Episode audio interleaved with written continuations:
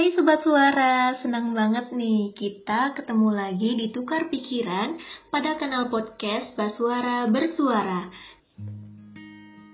Ketemu lagi bareng aku Nisa dan dua temanku yang gak kalah keren, ada Naza dan juga Kak Aura yang bakal nemenin sobat suara semua untuk belajar bareng tentang hal baru pada obrolan podcast kita kali ini, yaitu tentang self healing. Nah, mungkin buat Naza dan Kak Aura, boleh dong kenalan dulu yuk sama sobat suara di sana. Halo semuanya, asik masih bareng sama aku Naza Seneng banget nih di sela-sela kesibukan kita bertiga ya, yang pastinya super sibuk ya kan. Kita masih bisa balik lagi buat temenin dan hibur sobat suara di mana pun kalian berada.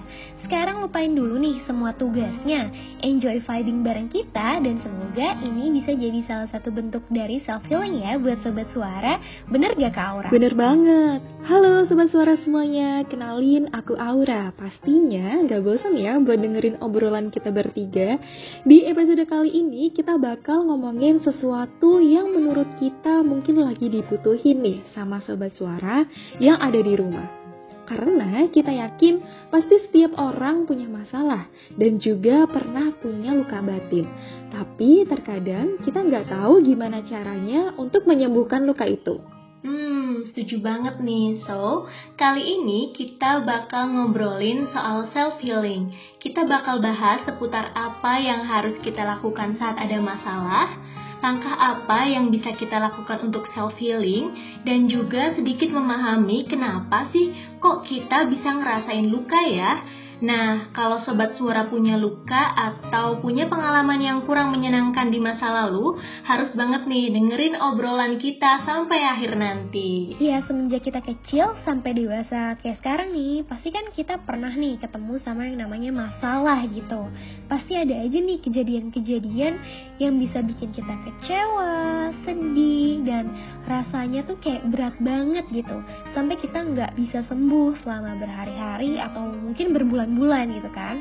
Mungkin sekarang sobat suara juga ada yang lagi ngerasain fase-fase kayak gitu.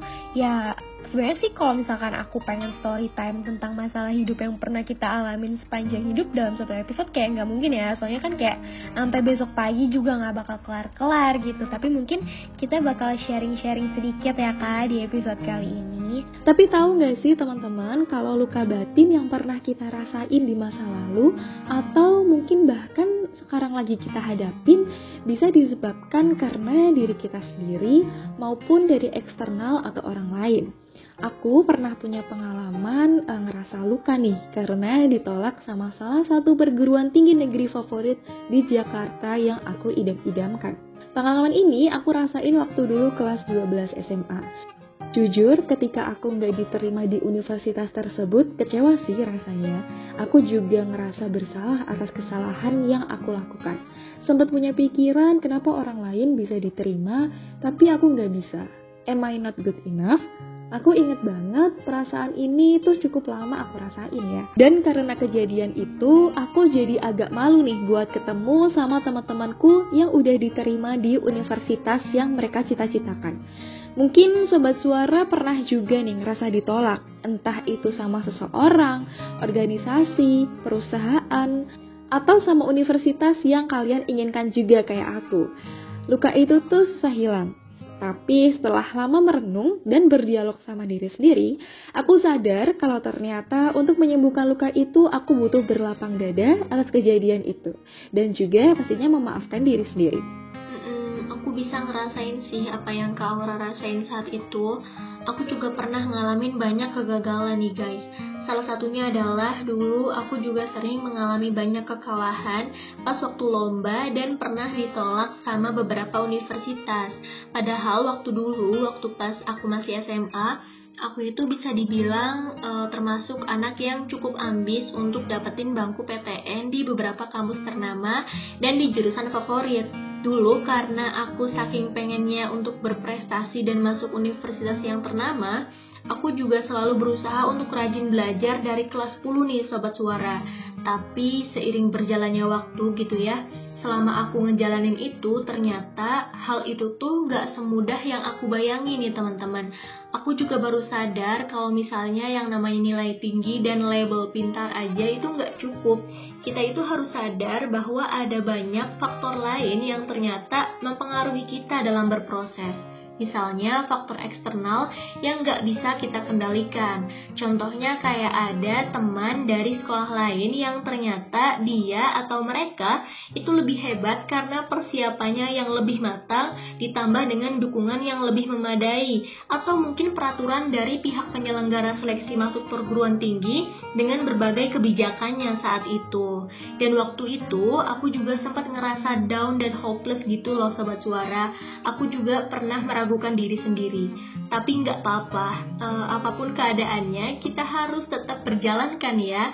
Dan akhirnya aku bersyukur banget udah ada di titik ini, di jurusan dan univ aku saat ini, dan pastinya bisa punya kesempatan buat bercerita sama sobat suara di sana. Waduh, yang penting kan sekarang Kak Aura dan Kanisa udah berhasil ya kak lewatin fase-fase kayak gitu gitu dan yang pasti makin grown up dan ini tuh bisa jadi inspirasi loh buat sobat suara sekalian bukti bahwa pain itu temporary dan kita harus tetap keep going nah kalau untuk Kak Aura dan Kanisa sendiri nih kira-kira apa aja sih yang dilakuin biar bisa pulih dan semangat lagi? Boleh lah bagi tips and tricks ya tipis-tipis kak? Boleh banget dong. Supaya bisa bangkit dan semangat lagi, tentunya kita bisa melakukan self-healing.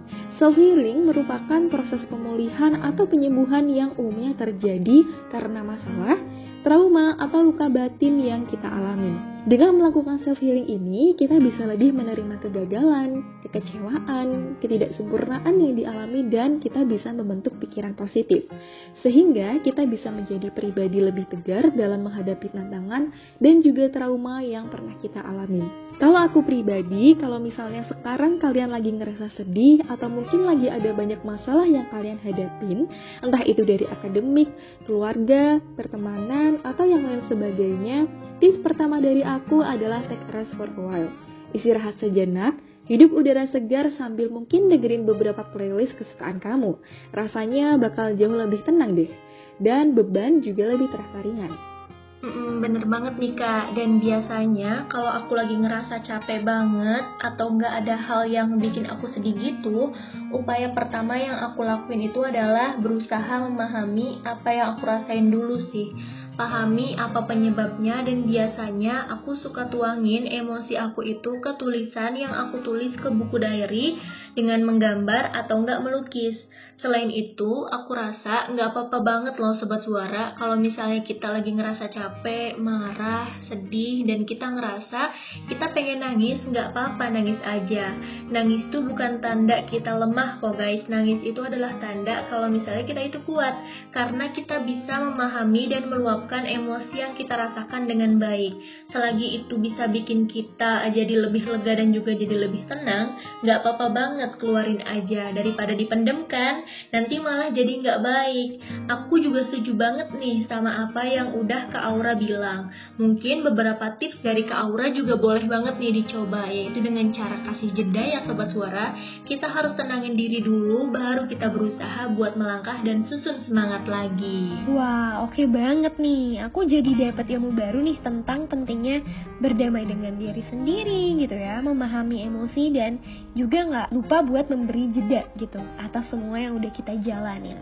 Anyway, sobat suara pasti tahu nih kalau konflik itu kan disebabin ketika realita itu nggak sesuai ya kak sama ekspektasi kita gitu. Jadi kalau menurut aku sendiri nih ya, beberapa hal yang bisa nyebabin luka itu yang kayak bener-bener secara mentally sampai kita kecewa banget gitu ya karena ekspektasi kita dan harapan kita yang punya tuh kayak terlalu tinggi gitu kak. Terus menurut aku juga sifat perfeksionis yang berlebihan.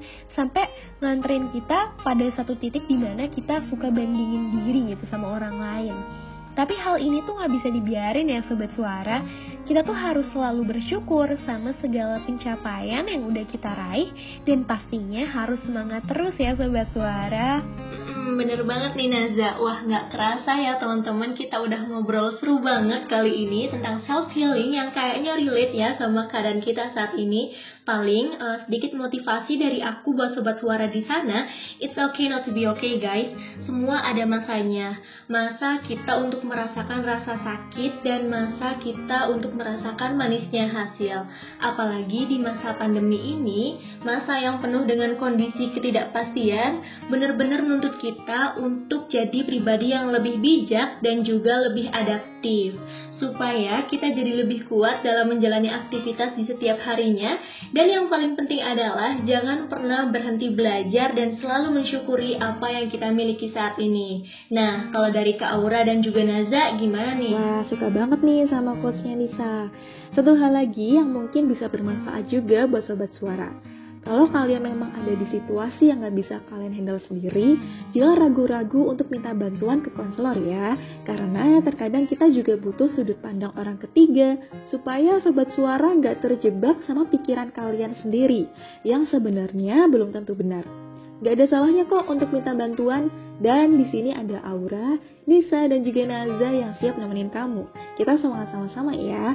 Kalau ada kejadian yang gak sesuai sama harapanmu, gak apa-apa Aku tahu kok hari itu akan terasa berat, tapi percayalah luka itu nggak akan lama. Lukamu pasti akan sembuh. Nah, kalau dari aku sih ya kak, intinya jangan pernah menyerah deh sama apa pun yang lagi kalian alamin dan hadepin saat ini gitu. Karena aku pernah baca nih, salah satu quotes dari penulis favorit aku, Jennifer Niven, dalam bukunya yang berjudul All the Bright Places gitu. Dia bilang, You are all the colors in one at full brightness. Itu maknanya adalah kita semua ini harus sadar kalau kita tuh unik gitu. Kita semua itu adalah manusia yang emang sengaja diciptain dengan penuh warna gitu, full of brightness. And that's why kita semua itu berharga. Jadi jangan nyerah ya. Ya kalau misalkan capek, istirahat dulu sebentar. Kalau lelah jangan lupa kasih jeda. Pokoknya semangat. Intinya kalian semua itu shining. Bersyukur banget nih bisa dapat banyak hal baru dari Kak Aura dan juga Naza. So thank you banget buat Kak Aura dan Naza karena udah berbagi cerita ditukar pikiran yang pastinya selalu keren banget nih. Makasih juga buat sobat suara yang udah dengerin cerita kita tentang self healing kali ini. Sehat-sehat selalu ya. Dan jangan lupa buat dengerin podcast kita yang lainnya di kanal podcast Basuara Bersuara. Ada narasi internal dan speak loudly yang pastinya bakal ngasih beragam wawasan baru buat sobat suara di sana. Aku Nisa bareng Kak Aura dan juga Naza mohon pamit undur diri ya and see you guys. Bye. Bye. See you.